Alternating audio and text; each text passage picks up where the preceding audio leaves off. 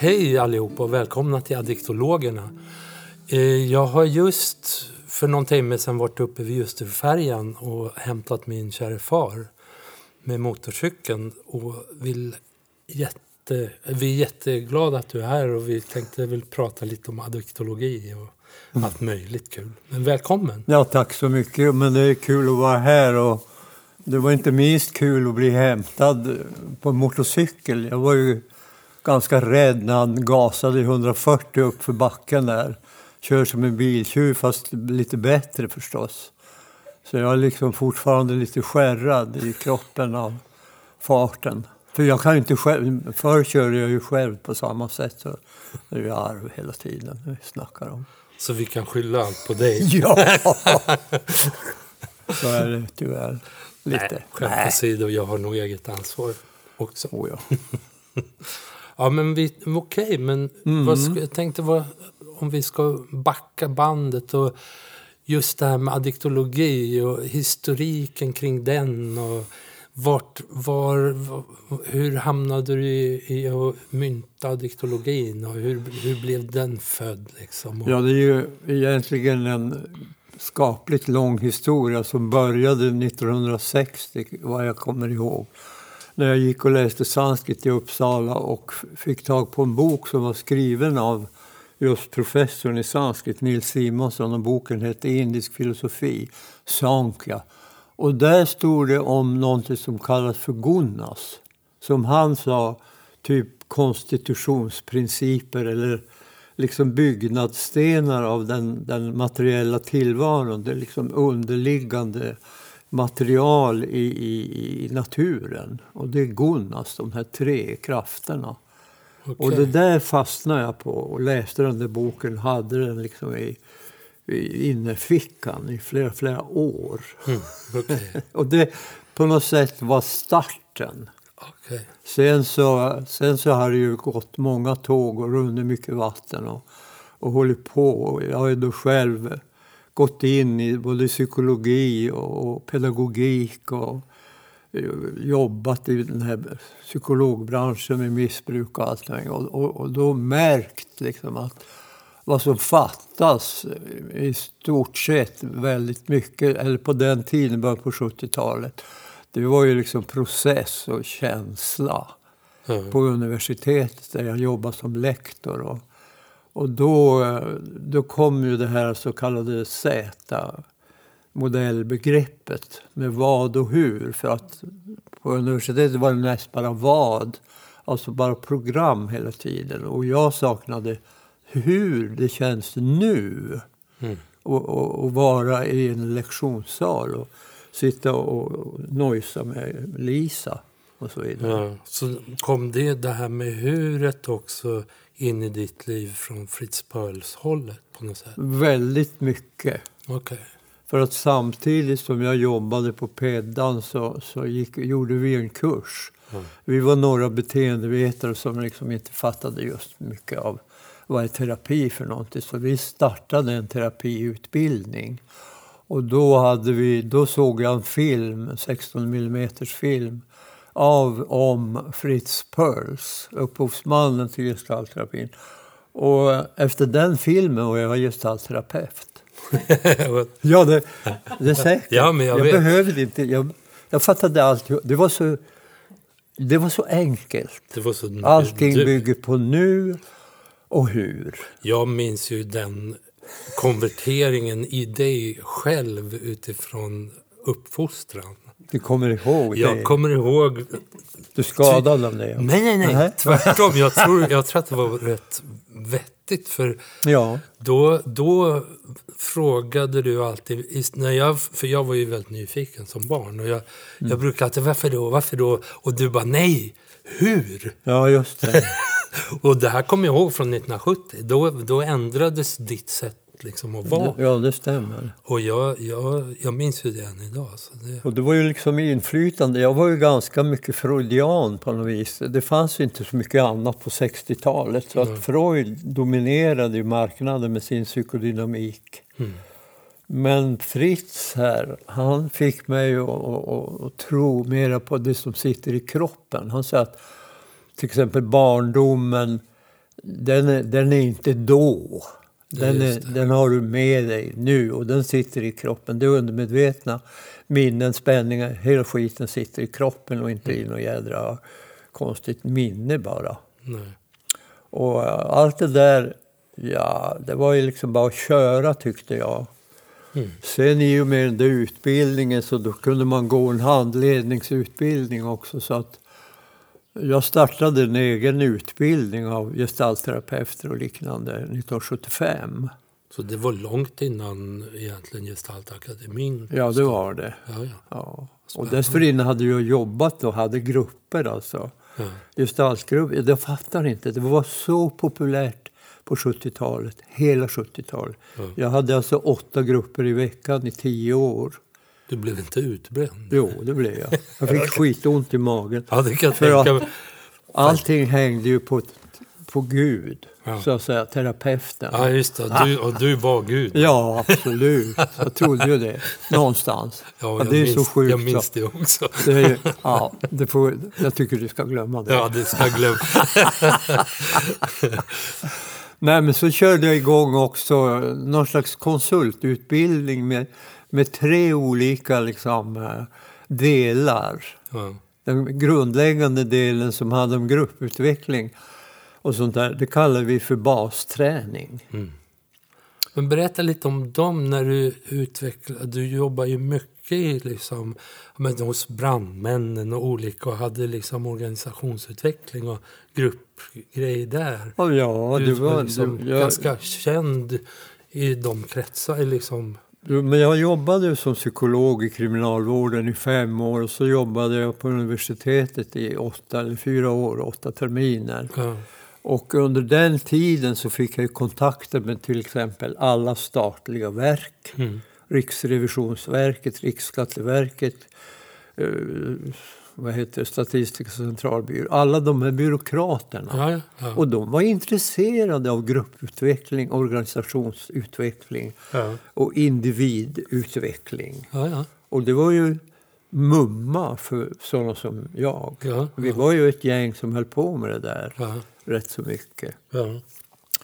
Så eh, ur, ur basträningen som, som jag delade ut på sjukhus, personalgrupper och så vidare så sprang också då något som jag kallar för krossinan ja just fram. det. Vad var det det var? För det kommer jag ihåg. Ja, det betyder kropp, sinne, ande. Just det. Just. att genom mina vediska studier och kinesstudier Ja. så jag blev jag övertygad om att människan innehåller inte bara materia, inte bara liksom hjärna och, tarmar och skit. Där. Utan hon har också, hon har också ett mind, Ja. ett psyke som är tillverkat, som är skapat men, men ändå förhållandevis sekundärt i, i jämförelse med den Fys- innersta ja. energin Ja, okej. som är andlig. Då. Så här Ja, tre lag. materiell, och mental och andlig. Eller så, vad heter det? Body, mind och spirit. Mm.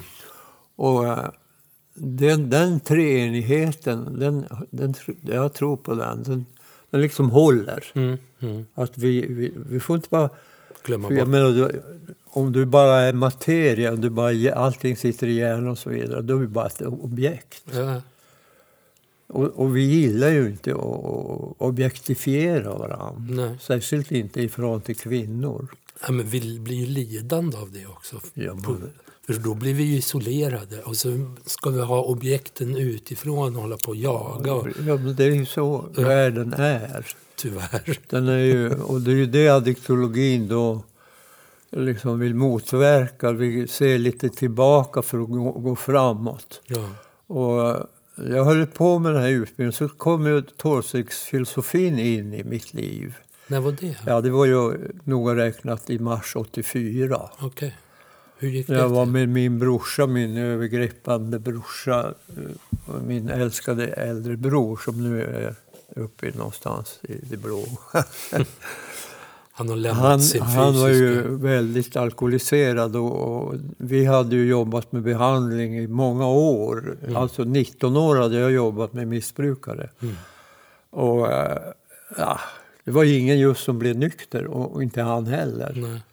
Och, och, och då läste jag någonstans att man kunde hitta en, en AA, alltså anonyma alkoholister baserad behandling i Hazelden i Minnesota. Okej. Så jag drog dit med brorsan och, och, och, daskade honom i bordet där. Och sa, här har ni ett big problem. Solve this. If och så can. de, who are you? I'm his brother. Okej. och, och, och då sa de, then you're codependent. Och vad då, sa jag. Något. Codependent. Alltså då hade jag jobbat som terapeut och psykolog i, i 25 år. Ja, ja. Men inte visste jag vad medberoende var. Nej, det fanns väl inte Det i Sverige? Eller? Det är helt otroligt. Och det är ändå det primära. Ja. Det är det första man blir skadad av. Det är omgivningen. Ja, såklart. Framförallt farsan då. Som i mitt fall, och du och sådär. ja, men det går ju, har ju väl gått i arv. Så Och, att jag blev helt fascinerad av ja, Daniel G. Anderson och, och eh, hela tolvstegsprofessionalismen. och vem var han på Hazelden då? Han var ju, han var ju den som ja, skapade Grundaren liksom? Ja, han grundade det. Okej. Han var psykolog och, och eh, jobbade på ett sjukhus för alkoholister i Minnesota, i Minneapolis. Och en dag så såg han eh, på parkbänken när han gick på sin lunch alkisar som satt och såg så lyckliga ut. Mm. Och han frågade, vad är det med er? Ja, vi är nyktra. Men hur har det gått till?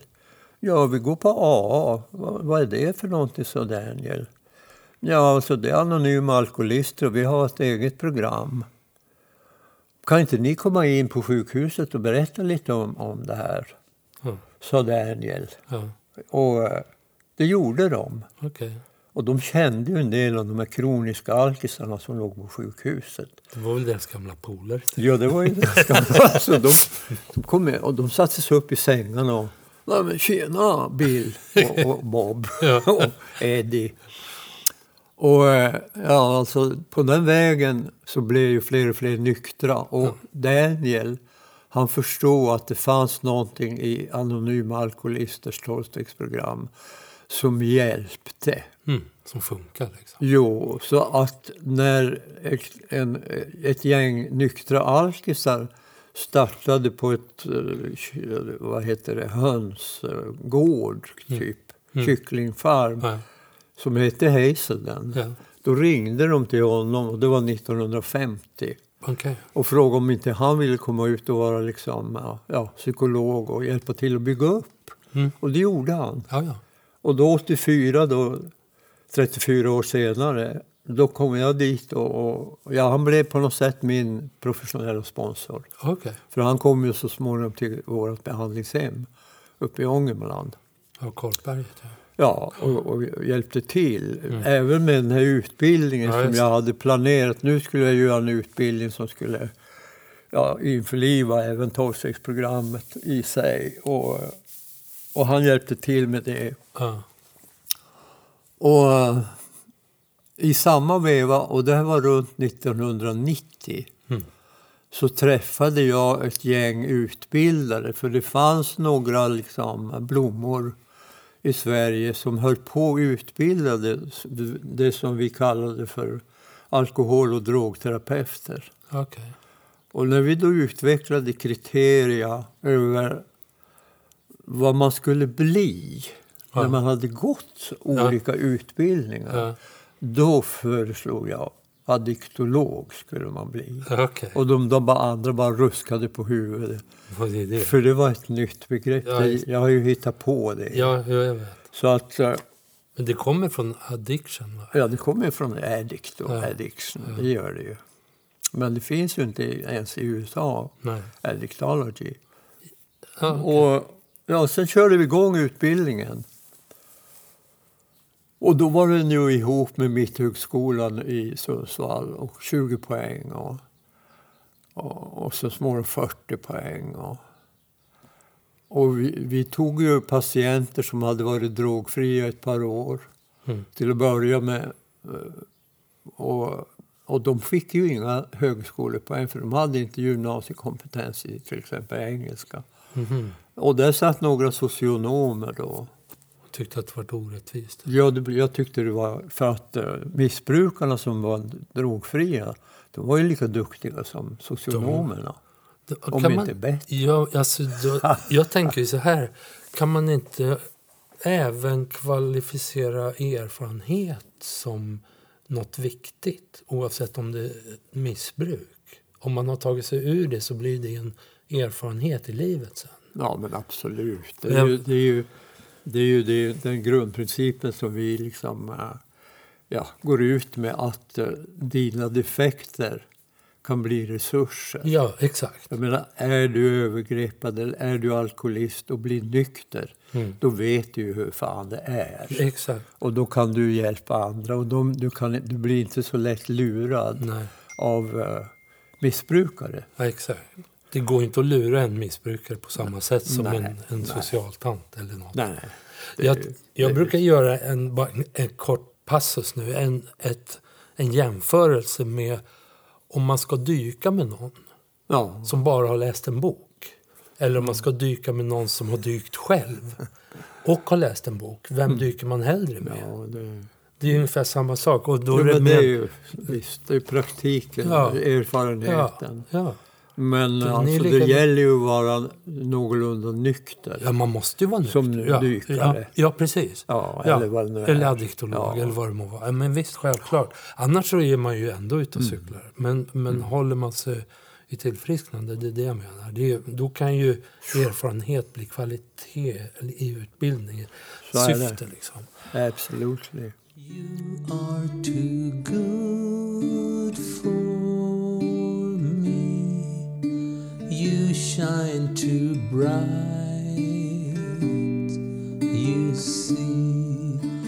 Vad är addiktologin i jämförelse med många andra utbildningar? Mm.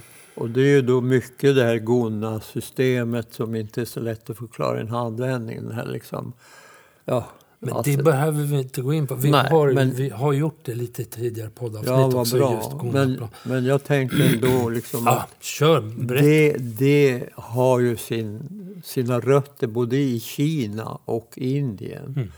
Jag menar de här tre krafterna Mm. bara. Mm. Att vi, vi tittar ganska mycket på dem och vi kan göra då ett system av eh, pedagogik, psykologi och filosofi. Mm. Och, och, och målet är att komma och genomskåda liksom, tillvarons eh, lidande och ohållbarhet och så vidare. Och komma till sig själv. Mm. Det är på något sätt det, det vi strävar efter. Och det innebär ju också drogfrihet på alla plan. Sex och, och spel och, och arbete och, Mm. och droger och sådär. Så att, eh, det, det, det är det vi håller på med. Det är bara det att det går sakta Ja, att komma fram Ja. i samhället med, med det här systemet. Ja, det är klart. Dra med oss Gud och allt sånt där. Ja, vad, för det, inom tolvstegsfilosofin så definierar man ju sin egen högre kraft. Det Ja. finns, Och inom addiktologin är det ju inte heller någon...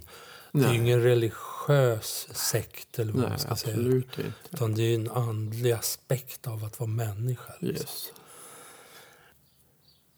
Okej, så man, man eh, liksom genomskådar bindningar helt enkelt med addiktologin.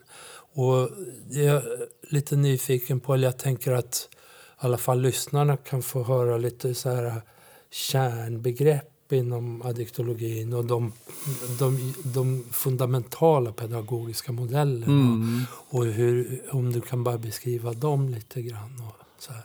Ja, för det första så vet väl många att addiktologi betyder läran om bindningar. Att vi människor vi binder oss lätt vid olika fenomen, ting och händelser och sådär. Och inom addiktologin kan man då studera olika så kallade matriser, eller vi kallar dem också för hus. Så att man kan gå in i, i till exempel känslohuset som är ett kapitel i addiktologiboken. Och, och genom detta hus av känslor, det är liksom nio rum. Man promenerar runt och så ser man var man sitter fast. Och man sitter fast i, i lust eller i sorg eller i harm eller i likgiltighet eller kreativitet och så vidare. Så på något plan vill jag påstå att addiktologins olika sådana här hus kan vara grund för behandling.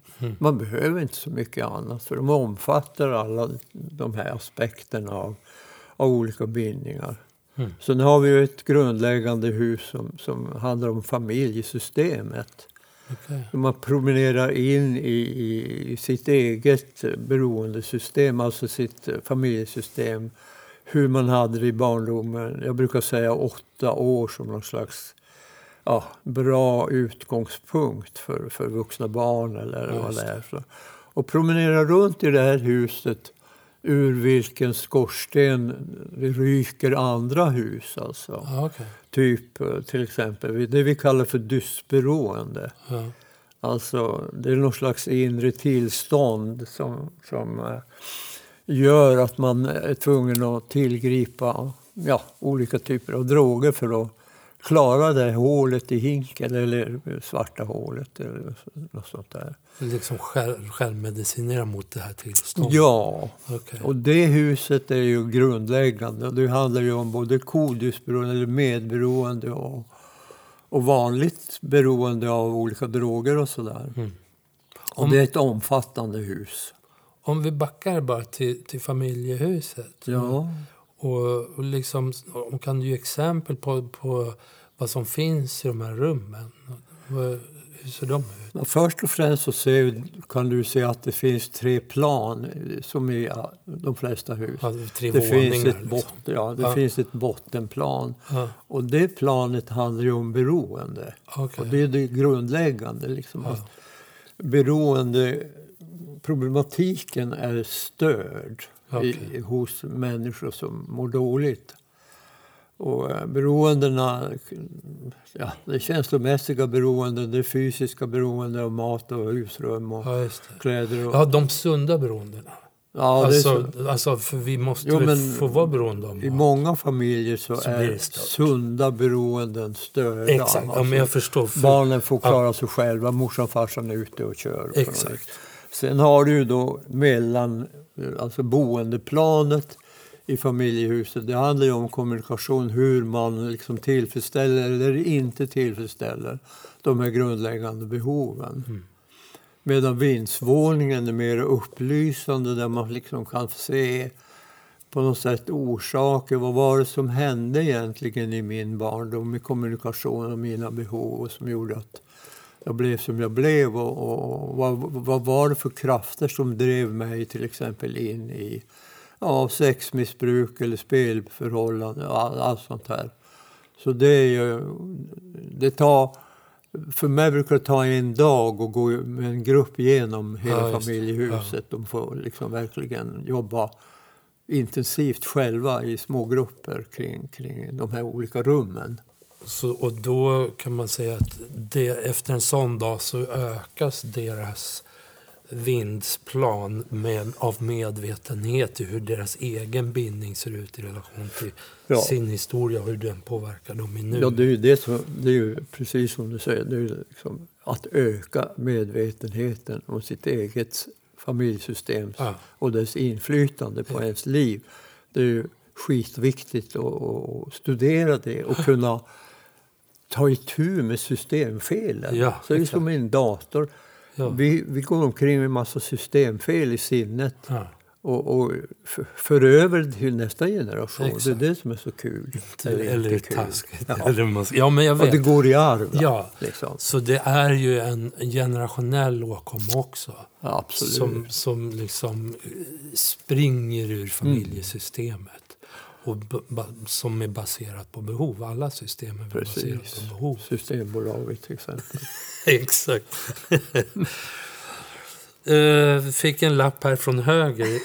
Som, som vanligt, vår, våran sufflös Linda Norgren sitter. Hej! Ja, hon sitter. Här sitter jag bakom och lyssnar och Härligt. myser. Mm. Ja, vi, då- och det står känslohuset inuti familjehuset. Kan du nämna något om det?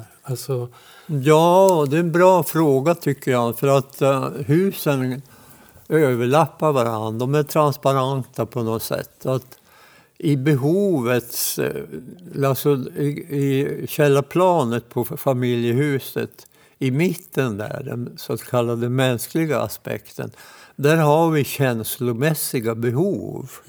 Så alltså att människor har känslomässiga behov redan från barndomen av, av eh, tröst och, och tillit och värme, anknytning och hela killevippen av alla behov. Och, och det är ett eget hus Okej, i tre plan just det. Så, som man också helst ska hoppa in i ja. och bearbeta.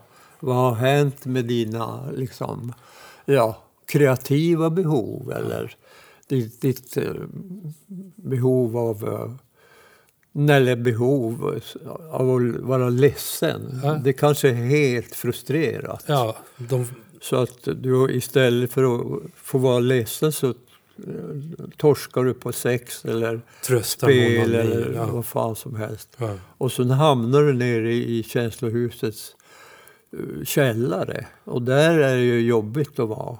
Vad- Det är ju skit. Det är likgiltighet och tristess och, och Skam, rädsla, skuld. skam och skuld Harm. och harm och helvete. Och sen, Ondska. ja, slutprodukten. Ja.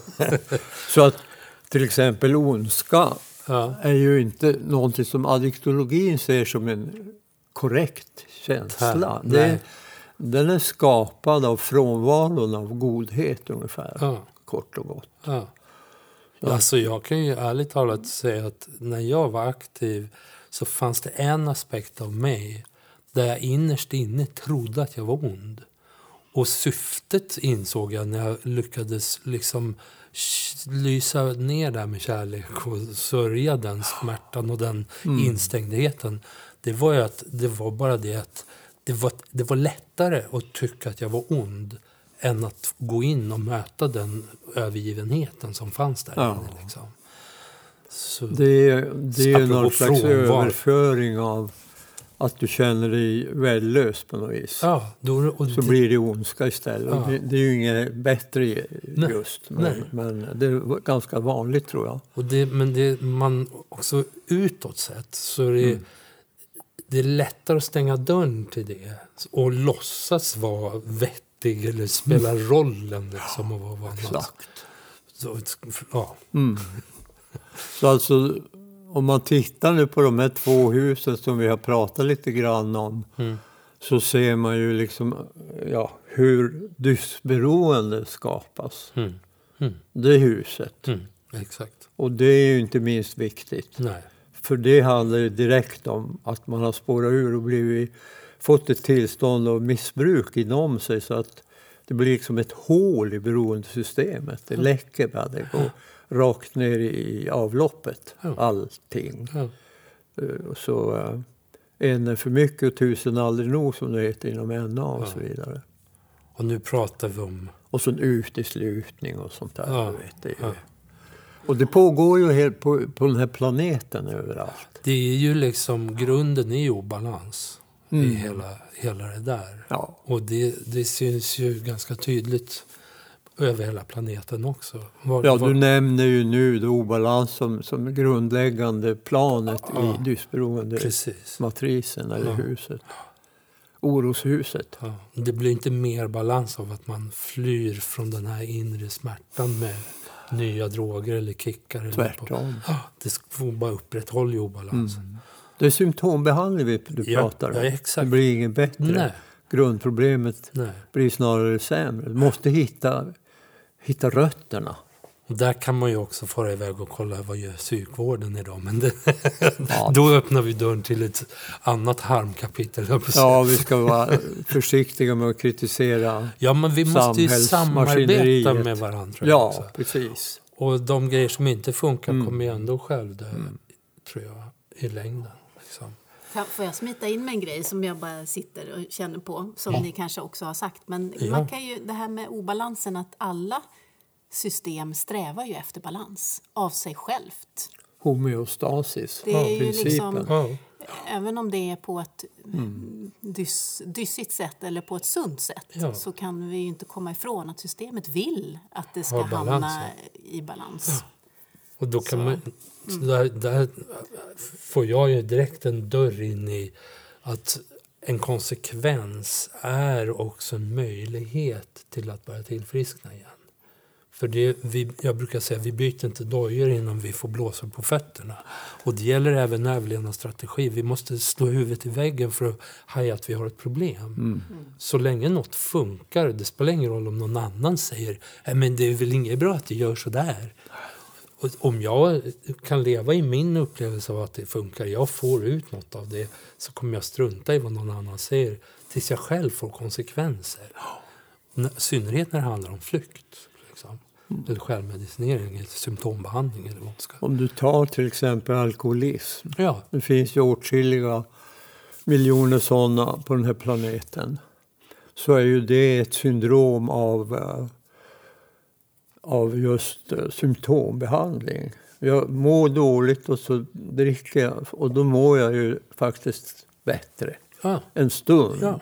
Men grundproblemet växer av att jag inte tar itu med det. Och det kan ju vara allt möjligt från självförtroendebrister och Mm. tillit till omgivningen och så vidare. Mm. Så måste man, för att det som ja, både du och Linda säger det är att alltså, organismen, människan, strävar efter att bli frisk. ja, Och hon springer på apoteket, hon springer överallt för att hitta någon slags lycka. Och, och då blir det väldigt mycket smärtstillande och alkohol och, och spel och alla möjliga upplevelser som liksom inte hjälper. Vi måste ner i kärnan och vi måste hitta oss själva och allt det här. Ja. Då börjar man att, så att säga, få en slags stabilitet och en balans Ja, som håller. Ja. Annars är ju hela tillvaron fylld av liksom flyktvägar. otillräck- ohållbarhet. Och det, vi söker, jag menar, ha, Östersjön är ju ohållbar. Ja. Hur ska vi få till Ja. det? En till grej som, som slog mig, jag har hållit på och jobbat med en, eh, en matris kring hälsa och balans. För att också, man behöver också börja fokusera på målbilder och så här i tillfrisknande. Tänker jag. Och då, då, då börjar det gradvis genom att jag har hållit på att titta på den och gå ner och mediterat, hållit på med den, kommit fram till att det blir ju lika mycket liksom bindning. Oavsett om det är...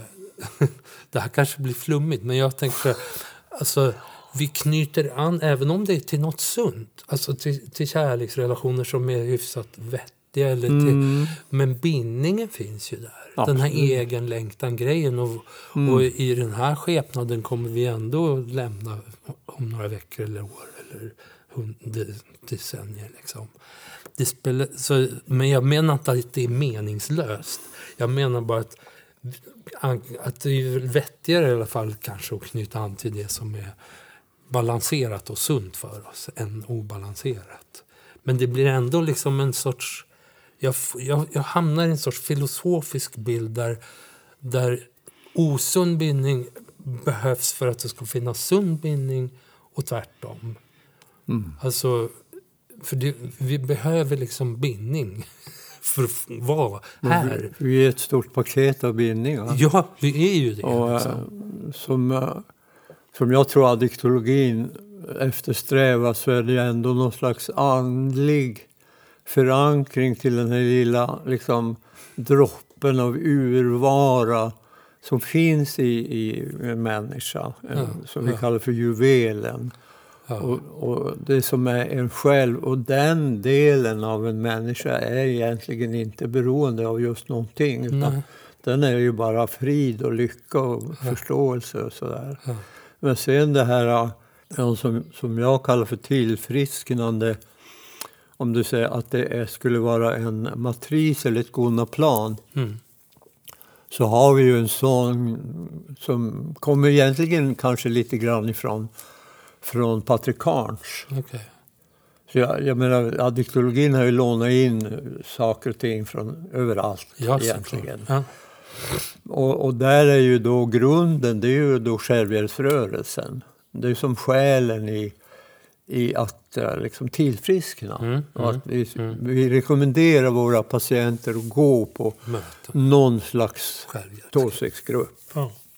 Men sen är ju det som addiktologin håller på med. Mm. Och, och det är ju mitt mäns, människoplanet, så att säga. Och, och det är ju då behandling. Och sen finns det ju en himmelsk aspekt. Mm. Som, eh, som vi har då hållit på med hur länge som helst. Men som är ovanför behandling på något vis. Och det är traumabearbetning. Mm. Ja, ja. Djup psykologi, liksom. Djupa. Och rycka upp rötterna. Traumadiffer. liksom, Hoppa ner i hålet. Ja. Så de tre, men du pratar om... Ja, men jag, en annan, Ja, jag förstår. Ja, Det är jättebra. Ja, men det här är kanon också. Ja. I min, min, jag gör det mycket enkelt. Den, den som jag håller på att jobba med. Och då har jag kroppen i botten. Jaha. Och sen jag, vi, du. Jag som det mest jordisk, eller jordisk-mänskliga, eller Ja. säga, mänskligt jordiska, längst till höger i mitten. Därför att det är bara det som, det är mest det som stör min relation till viet. Liksom. Absolut. Och sen viet i mitten och så du på andra sidan. Om, om man, och sen det himmelska det andliga. Så att det är liksom den uppdelningen jag tänker. Och om jag får ha en kropp som jag behöver ta hand om, ge ja, rörelse, näring, sömn och så vidare. Och sen kollar man in de relationella aspekterna. Och sen de andliga aspekterna. Utifrån vad behövs för att ha balans i dem. Det är jättebra. Jag tror på det. Ja. Absolut. För det ökar också medvetenhet och ansvar i relation till sig själv och sin egen tillvaro och, och bindning till, till sin tillvaro. Liksom. My secrets and fears don't belong in your magical, beautiful song. Jag tänker um, om addiktologin, att sista kapitlet i boken om det här, jag har skrivit några böcker om de här grejerna. Det handlar ju om kommunikation. Mm. Som är på något sätt eh, ja, grundläggande för, för oss människor. Mm. Att vi, vi är jätteduktiga någonstans. Vi är liksom till för att föra budskapet vidare om, om världen och eh, Gud och hela fy fan.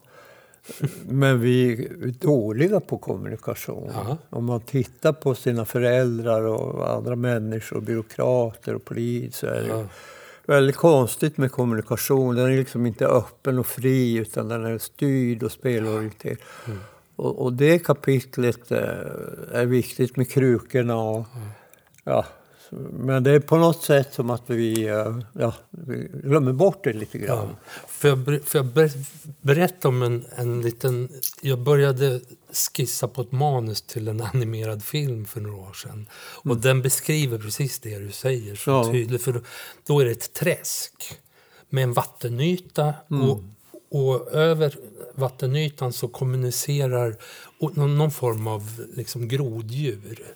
Och, de, de, och över vattenytan låtsas de att det är på ett visst sätt. Där är, där är det liksom oskrivna regler och lagar och allting är superstyrt. Och sen under ytan är alla uppkopplade i massa slangar och symbiosbindningar och låsningar. Och, Ja. och det är ingen som liksom... Det är ingen som pratar om det över ytan. Liksom. Och det är lite det jag känner nu när du pratar om det här. Alltså, jag får tillbaks den bilden. Ja, för att avsluta den så, var, så är det en som föds och, och jag har inte bestämt om han ska liksom simma ner och, och, och se slangarna eller om man ska och aldrig fastna eller om man ska fastna och få en konsekvens och simma ner och kapa sig loss och börja bli fri och kommunicera fritt och gå emot det här gamla traditionella låsningssnacket. Liksom. Man, man vill ju gärna sprida sina idéer som är goda, liksom budskap till mänskligheten. Men sen har vi ju det här övergripande som är det på ytan som du pratar om. Mm. Det liksom etablissemanget som, som stoppar de här djupdykningarna Mm. och håller det på något sätt, ungefär som sexuella övergrepp. Det får man inte prata om. Ja, just det. Vi kom, nu kommer vi in på det. För det, Ja. där har vi ett väldigt... Där har ju du skrivit en bok. Du har ju skrivit några böcker. Du kan väl nämna Ja, dem och kanske ordningsföljden på dem och, Okej. och vart du är just nu. Eller, eller där, i synnerhet är jag intresserad och jag tror det vore bra att få ut eh, i etern här eh, om ja Amman. det börjar faktiskt med att eh, vad heter det, Lindas bekantskap, Robert Larsson, Mm. ringde till mig någon gång 1997 och sa jag har hört att du kan skriva en slags handbok om sexmissbruk. Mhm. Tackar, tackar, sa jag. Det kanske jag ska ta som en komplimang. Men det var det väl inte egentligen. Så jag skrev Kärlekens dysberoende. Och den är Robert, han ville inte ge ut en bok. Han tyckte det var en dubbel bok. En, en bok som handlade om, om missbruk eh, i praktiken och, och, en jätteakademisk avhandling. Okej. Så han tyckte det var liksom schizofrent och det håller jag med honom om. Men jag gav ut den själv och det var dåligt. eh, Liksom, allting var ganska löst. Layouten och tryck och många tryckfel. Så efter eh, typ 12 år Mm. så gav jag ut den på nytt och kallade för Nya kärlekens dysberoende. Okej. Lite... Och den är väl halvskaplig om man säger så. Mm. Men sen eh, kom då själva addiktologiboken som har legat och pyrt sen början på 60-talet och Mm. som har växt fram genom mina kontakter med mig själv och med massor med patienter och grupper och hela skiten. Mm. Den kom, ju, och den kom ut då 2010. Okej. Och sen har jag gjort, gjort en del andra verk om, om, om sanskrit och sånt där men det hör inte hit egentligen. Men, Men sen, sen eh, läste jag en bok om, om eh, sexuella övergrepp. Okej. Kommer du ihåg vad den hette? Eh, den heter The Assault on Truth, alltså Okej. dråpet mot sanningen. Ja. Och det var då meningen att man skulle förstå att det var Sigmund Freud som hade i- gjort, han hade bedragit sanningen av sina egna forskningar och upptäckter. Hur då? då? Ja, han hade ju forskat. Han hade till exempel 18 fall av eh, patienter. Och det var 12 kvinnor och 6 män. Och alla hade de blivit utsatta för olika former av sexuella övergrepp. Okej. Och alla hade utvecklat olika fysiska, mentala och andliga symptom i spåren av dessa övergrepp. Okej. Och då 1896, den 26 april, så höll han en stor föreläsning inför eh, Sällskapet för neurologi och psykiatri i Wien som var liksom centrum för psykiatrin i Europa i slutet på 1800-talet. Ja. Och när han hade pratat färdigt så blev det alldeles tyst. Och Freud var bara i 30-årsåldern och på väg att göra en dunder internationell karriär med sina upptäckter kring psykoanalysen. Ja. Och de hade en tidskrift så att varje gång det var en sån här föreläsning inom det här sällskapet så kommenterades den livligt i den här tidskriften. Okej. Men den här föreläsningen var ingen som sa någonting om. Det skrevs in. Istället så gick, klev man fram till Freud och sa det här kan du inte publicera. Det här kan du inte tala om.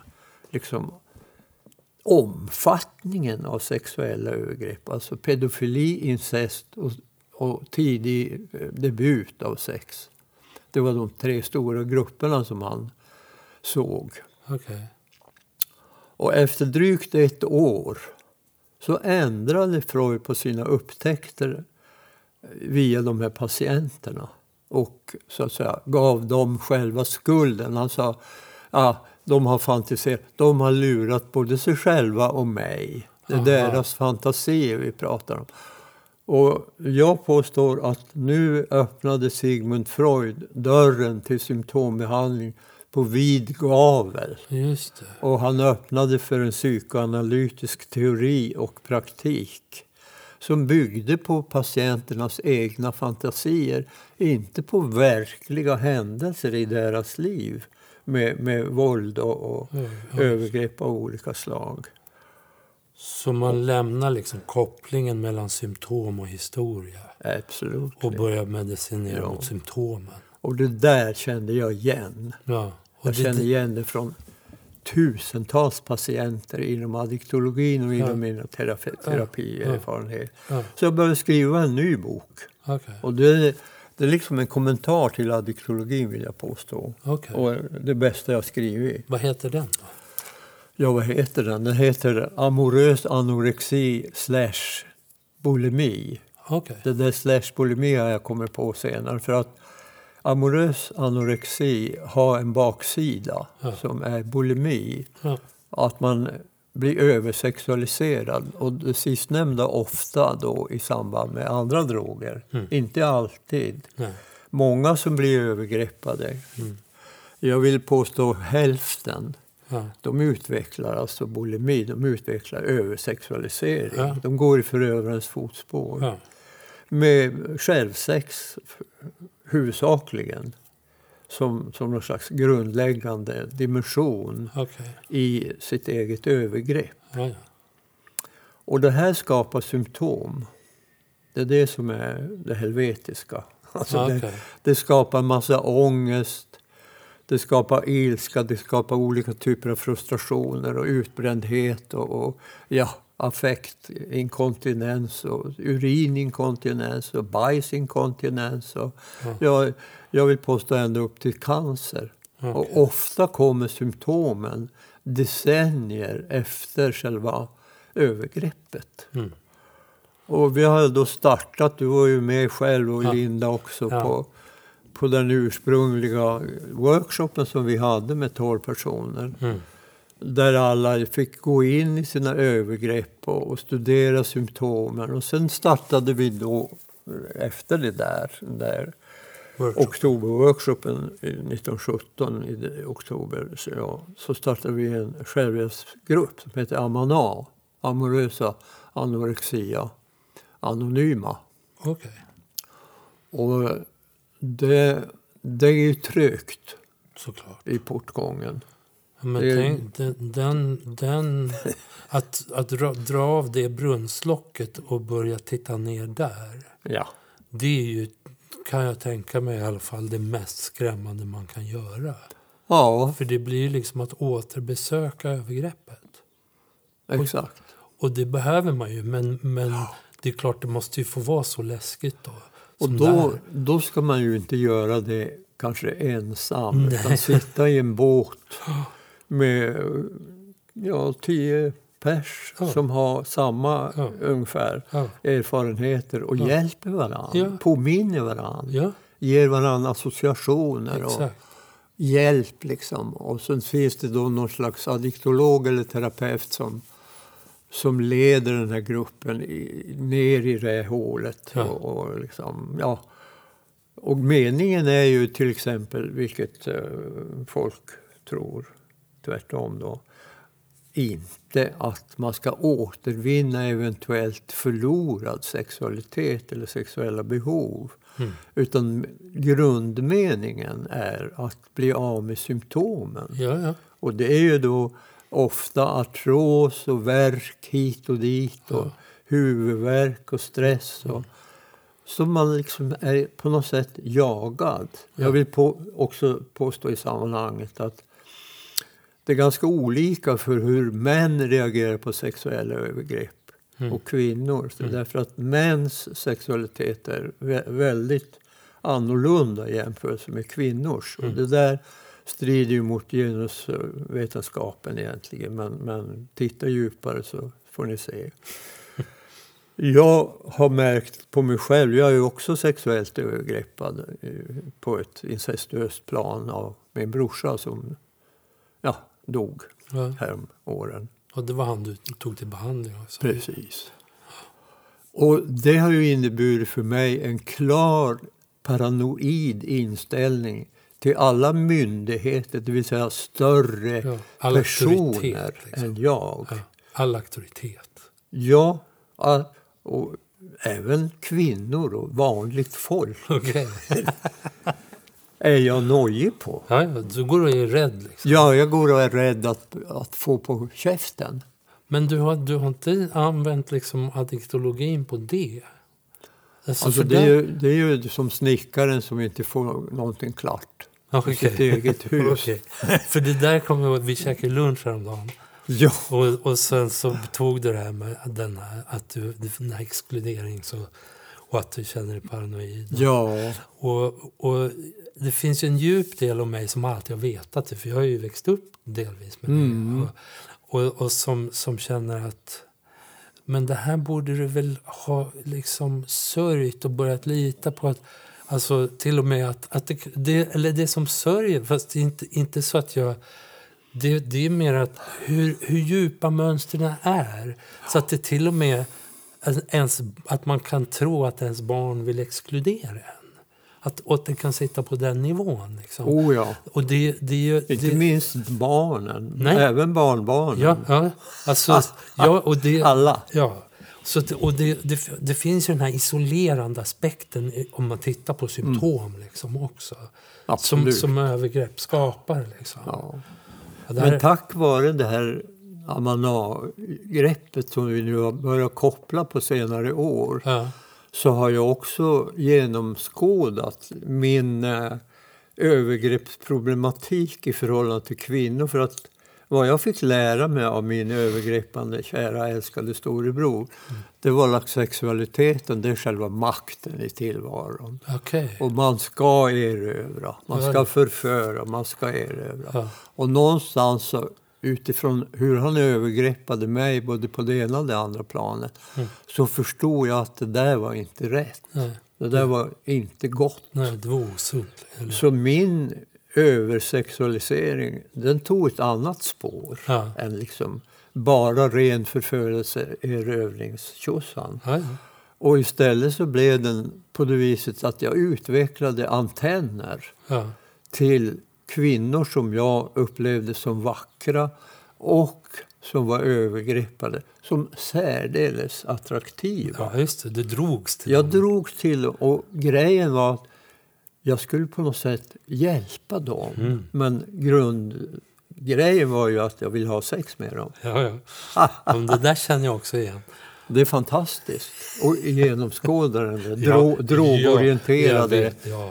Romansen. Men den sitter ju kvar och, på något sätt. Men nu, nu har man ju liksom lyckats slå ner grindarna.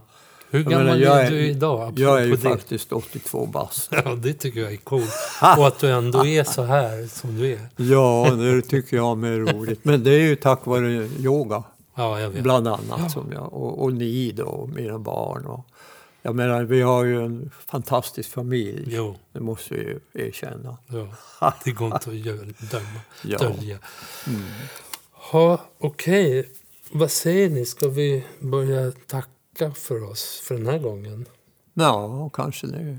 Vad säger producenten? Ja, det blir ju massa grejer att prata vidare om. Jag Det gör det. tänker att vi kan ju fortsätta och ha andra eh, avsnitt om alla möjliga grejer kring det här. Det är trådar och dra Ja, vidare i. det är jättebra att du har sådana aspekter på det hela. Ja, Så att du liksom kan ta tag i olika trådar och så gör vi en ny podd. mm, ja, Precis, För det är ju oändligt. Det är det. ja. Men vad kul att du är här idag. Det var roligt, det var jätteroligt. Och tack för att ni lyssnar och välkomna Alltså, åter. Alltså, du har dem på tråden Ja, jag har dem är fortfarande på tråden så jag tänkte bara vi avslutar här. Vad härligt. Ha det fint! Ja, Hej då. tack ska ni ha. Hej, hej. Ja, vad roligt.